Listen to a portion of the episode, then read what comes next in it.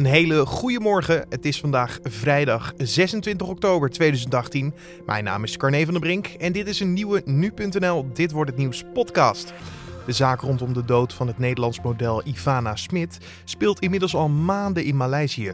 We belden voor deze podcast met forensisch patholoog Frank van der Goot, die ook nog even de publieke opinie over de zaak beschrijft. En het, ik verbaas me hierover. Dan zit iedereen zo van, nou ja, stom.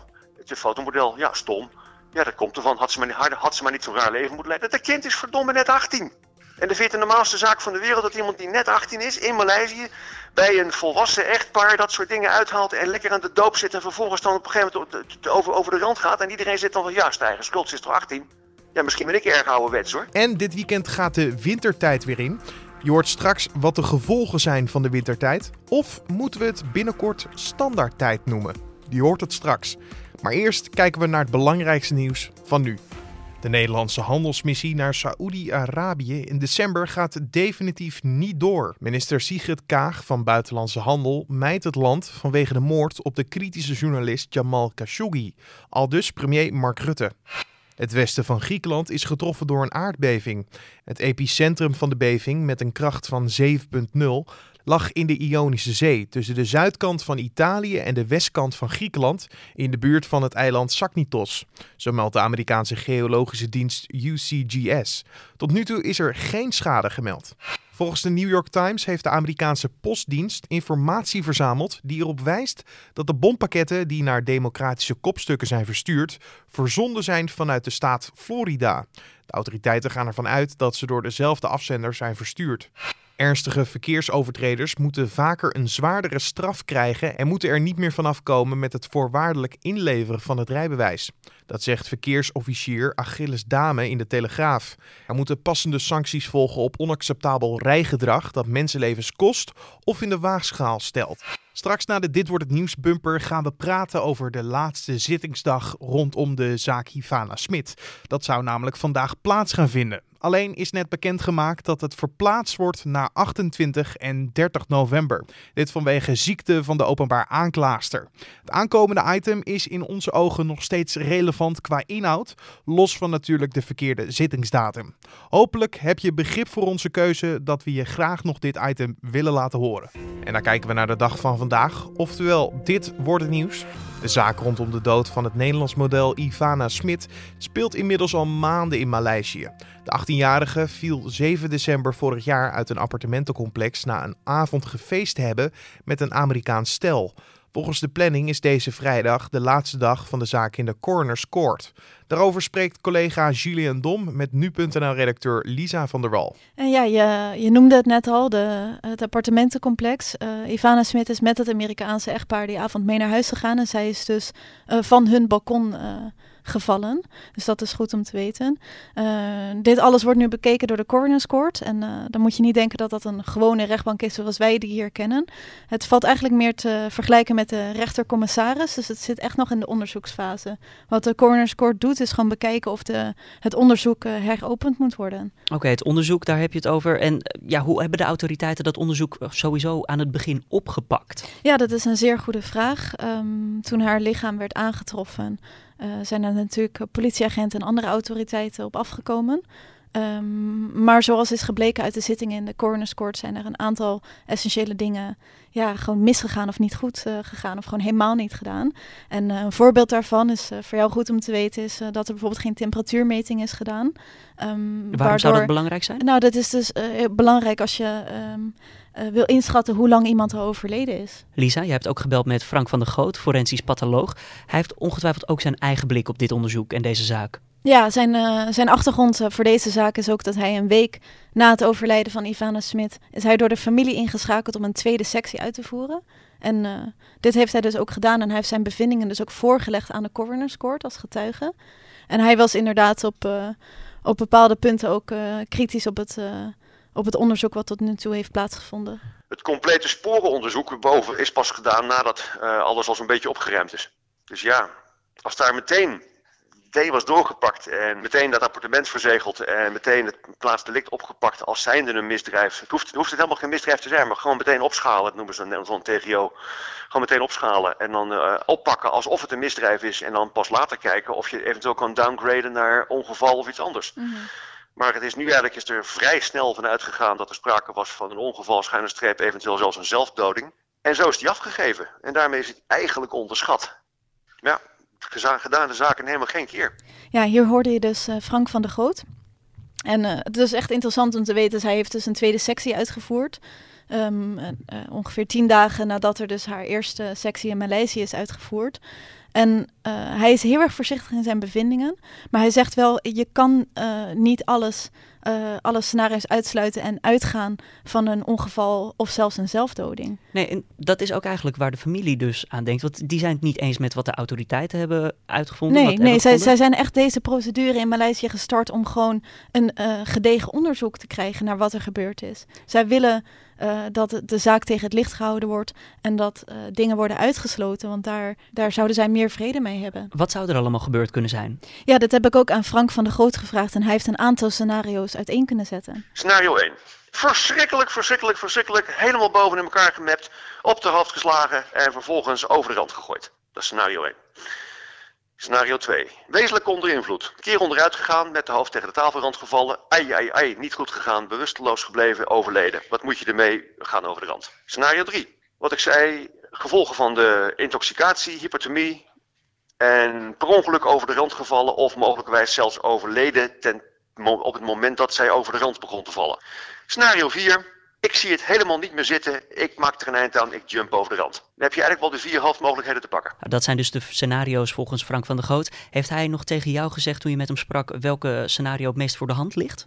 Ja, hij heeft zijn persoonlijke visie heeft hij gegeven. En uh, één zei hij van, uh, dit, dit vind ik uh, wat onwaarschijnlijk. Hij gaat uh, hij, hij houdt zelf meer rekening met scenario 2 of uh, scenario nummer 3. Dat kan natuurlijk in elkaar overlopen ook. Maar hij, hij zegt tegelijkertijd van we weten het gewoon niet. Misschien uh, breekt het echtpaar volgende week in huilen uit en leggen zij een bekentenis af. Het, het, er is gewoon weinig houvast in deze zaak. Dus we kunnen gewoon stellen dat er steken zijn laten vallen bij dit onderzoek, Lisa. Ja, er blijkt meer en meer uit die zittingen bij de coroner's court dat er gewoon inderdaad steken in het politieonderzoek uh, zijn uh, laten vallen, inderdaad. En je, je ziet ook gewoon dat dit uh, bij onzekerheid zorgt bij de familie. En die wil gewoon een, een gedegen onderzoek en die wil antwoord naar emoties wat er, lopen wat er emoties lopen op. Die willen gewoon antwoord naar wat er gebeurd is die nacht en die, die volgende dag. We zien het ook een beetje bij de publieke opinie als we de Nieuwjijers af en toe lezen. Je kan natuurlijk je reactie achterlaten onder berichten, maar ook bij andere media.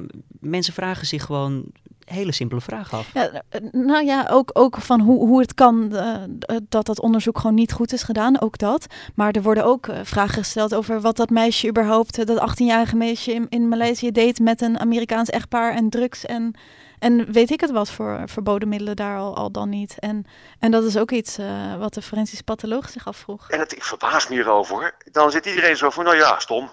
Het is een fotomodel, ja, stom. Ja, dat komt ervan. Had ze maar niet, had ze maar niet zo'n raar leven moeten leiden. Dat kind is verdomme net 18. En de vindt de normaalste zaak van de wereld dat iemand die net 18 is in Maleisië bij een volwassen echtpaar dat soort dingen uithaalt en lekker aan de doop zit en vervolgens dan op een gegeven moment over, over de rand gaat en iedereen zit dan van ja, stijgen, schuld is toch 18? Ja, misschien ben ik erg ouderwets hoor. Maar die speelt wat mij betreft ook nog mee. Je hoort het ook een beetje aan de stem van Frank van der Goot. Hij leeft zelf ook enorm mee met deze zaak. Ja, dat zou je zo kunnen zeggen. Lisa, wat um, is nou het vervolg van deze zaak? Wat moeten we weten en wat weten we? Dat is heel lastig om in te schatten. Ik heb dit natuurlijk ook gevraagd aan uh, Frank van der Groot, maar ook de, de advocaat van de nabestaanden, Sebas Dijkstra. Van uh, wat, uh, wat kunnen we nu verwachten? En ja, het wrangen hiervan is, we weten het gewoon niet. Er zijn de afgelopen maanden natuurlijk tal van getuigenverhoren geweest. iedereen heeft zijn, zijn licht erop laten schijnen. En nu is het aan de coroner's court om te zeggen, is er genoeg aanleiding om het onderzoek te laten heropenen. Je hoorde nu.nl-redacteur Lisa van der Wal in gesprek met Julien Dom. Dit weekend gaat de wintertijd in. Dat betekent dat in de nacht van zaterdag 27 oktober op zondag 28 oktober de klok 1 uur teruggaat. Je zou natuurlijk denken, hey, een uurtje extra slaap, dat is fijn, maar heeft het misschien nog andere consequenties voor je ritme? En zal dit misschien de laatste keer zijn dat we in Nederland de klok een uurtje terugzetten? Dat vroeg ik aan Bert van der Horst, hoogleraar chronobiologie en gezondheid aan het Erasmus MC. Uh, ik denk dat het uurtje slaap wat we er nu bij krijgen op zich uh, niet zo'n probleem is. Uh, ik denk dat het misschien een groter probleem is om in, in het voorjaar een uurtje minder te slapen. Maar of het nu gaat om de klok vooruit zetten of terugzetten, wat mij betreft is dat niet echt zo'n probleem. Ik denk dat je dit een beetje moet zien als een, een jetlag van ongeveer een, een, een, zeg maar een uur. Je moet een uur overbruggen, dus het kost je denk ik één of twee dagen om, om daar overheen te komen globaal genomen. Ja, u heeft al eerder besproken in meerdere interviews en meerdere uh, geschreven artikelen dat u niet echt fan bent van uh, gegeven wintertijd en zomertijd. Eerder uh, ja, de, de vorm standaardtijd wil aanhouden. Wat, wat, vindt u niet goed aan de benaming wintertijd? Nou, ik vind de, de, sowieso de naam zomer- en wintertijd al een verkeerde tijd, omdat ja, dat suggereert dat we eigenlijk ja, twee typen tijd hebben. Maar Eigenlijk hebben we een standaardtijd. Dat is uh, zeg maar in ons geval de Midden-Europese tijd. Dat is de tijdzone waarin wij leven. En ja, omdat we op een gegeven moment dachten dat we energie konden besparen door aan wat ik dan zelf liever daylight saving time, uh, ik ken even geen mooi Nederlands woord uh, daarvoor, ja, heeft men bedacht dat we die klok maar eens moeten verschuiven. Maar in feite doen we niks anders dan um, zeg maar besluiten om ten opzichte van de licht-donker-cyclus een uur eerder op te staan. En dat is wat mij betreft ook gelijk waar de problemen min of meer een beetje uh, ontstaan. En uh, die problemen die zitten er wat mij betreft in, in het feit dat wij zelf een biologische klok hebben. En die regelt onze slaap-waakcyclus, maar ook allerlei andere uh, ritmiek in ons lichaam. En die zorgt er eigenlijk voor dat ons lichaam optimaal is afgestemd op het moment van de dag. Mm nou, nou, leven wij in een 24-7 economie, dus het, het, is al vaak heel moeilijk om, om te luisteren naar die klok. Hè. We hebben mensen die moeten in ploegendienst werken. Maar er bestaat ook nog zoiets, en dat is wat veel mensen onderschatten, eh, als een, een sociale jetlag. En een sociale jetlag wil eigenlijk zeggen dat mensen op, door de weekse dagen, op werkdagen, door de wekker eerder gewekt worden dan hun lichaam zelf, hun biologische klok zelf, wakker zou willen worden. Dus dat betekent dat je eigenlijk op door de weekse dagen uh, een slaaptekort kunt opbouwen, wat je dan in het weekend weer moet, moet inlossen. En in feite heb je dus een situatie dat je uit fase leeft met je eigen biologische klok. En nu weten wij uit uh, epidemiologisch onderzoek bij mensen, maar ook bij proefdieronderzoek, dat als je zeg maar, niet goed in fase leeft met je klok, dat dat uiteindelijk een risicofactor is voor het krijgen van aandoeningen als diabetes type 2, maar ook obesitas en, en hart- en vaatziekten. En daar zullen ochtendmensen die van nature vroeg opstaan, vroeg wakker zijn, eh, zullen er over het algemeen weinig last van hebben. Die zullen ook zelf een wekker nodig hebben om op tijd te moeten opstaan. Maar met name, met name avondmensen kunnen daar dus wel een, eh, een, probleem van hebben. Want het is natuurlijk de, de kwestie om weer in je ritme te moeten komen. Uh, hoe, wat moet je doen om weer snel in dat ritme te komen, bijvoorbeeld? Nou, om snel in het ritme te komen, hoef je denk ik eigenlijk, uh, zeg maar op die twee dagen dat de klok verzet wordt, hoef je eigenlijk weinig te doen. Onze biologische klok die richt zich naar het licht. Dus ik denk op het moment dat je de klok gaat vooruitzetten of gaat terugzetten, dat die klok eigenlijk automatisch uh, zich herstelt. En dat, uh, of, of, aanpast aan het nieuwe licht-donker ritme. Dat is eigenlijk hetzelfde wat er ook gebeurt als we naar New York zouden vliegen. We komen ook aan in een andere tijdzone. Dan gaat onze biologische klok in ons hoofd gaat terugschuiven of vooruitschuiven naar die nieuwe licht-donkercyclus. Nou, dat gebeurt dus in het voorjaar en het najaar ook. En bij de ene persoon zal dat wat makkelijker gaan dan bij de andere persoon. En naarmate je ouder wordt, zal het misschien wat langer duren, maar uiteindelijk is dat, uh, ja, is dat wat mij betreft het probleem niet. Daar zit niet het gezondheidsrisico. Het kan ook zomaar eens keer zijn dat dit de laatste keer is dat we over wintertijd slash zomertijd uh, praten. Natuurlijk met uh, de plannen in het ja. Europese parlement waar ze aan het kijken zijn over de afschaffing van deze tijdzones. Hoe volgt u de huidige ontwikkelingen? Ik, ik volg de huidige ontwikkeling uiteraard via de, de media. Um, en ik heb ook nauw contact met met groepen die zich zeg maar inzetten ook om zeg maar de, de zomertijd af te schaffen. Ik heb zelf ook mogen aanschuiven in een expert vergadering van het ministerie van, van Binnenlandse Zaken. Dus ik probeer het zo goed mogelijk op de goed te volgen. En wat ik ook heb aangegeven is dat wat mij betreft die beslissing om um, zeg maar permanent te kiezen voor zomer- of wintertijd, en dan hopelijk dus de wintertijd, dat dat een beslissing is die we eigenlijk goed gefundeerd moeten, uh, moeten nemen, niet overhaast moeten nemen. En ik denk dat met name ook de gezondheidsraad bijvoorbeeld zich daar eens over moet buigen. Ga nou gewoon eens kijken wat het gezondheidsrisico is. Ga het eens even goed uitzoeken wat het gezondheidsrisico is van permanent kiezen voor de zomertijd en de wintertijd. En bovenal laat het ook eens uitrekenen door de rekenkamer. Want je kunt op een gegeven moment voorspellen hoeveel meer patiënten met diabetes je, gaat krijgen als je permanent voor de zomertijd zou kiezen. Dus je kunt uitrekenen hoe dat gaat drukken op de gezondheidskosten. En verder zou je ook kunnen kijken in principe wat, uh, ja, hoe het uh, zit met de inzetbaarheid van mensen tijdens uh, permanente zomer- of permanente wintertijd. Zijn mensen bijvoorbeeld beter uitgerust als we continu de wintertijd kiezen in plaats van de zomertijd, omdat we dan minder sociale jetlag hebben.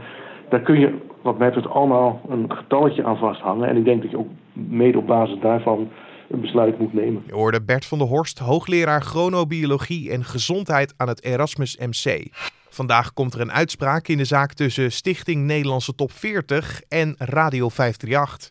De Stichting Nederlandse Top 40 wil dat Radio 538 de top 40 hitlijst, al jaren te beluisteren op de vrijdagmiddag tussen 2 en 6, blijft uitzenden via zijn landelijke FM-zender.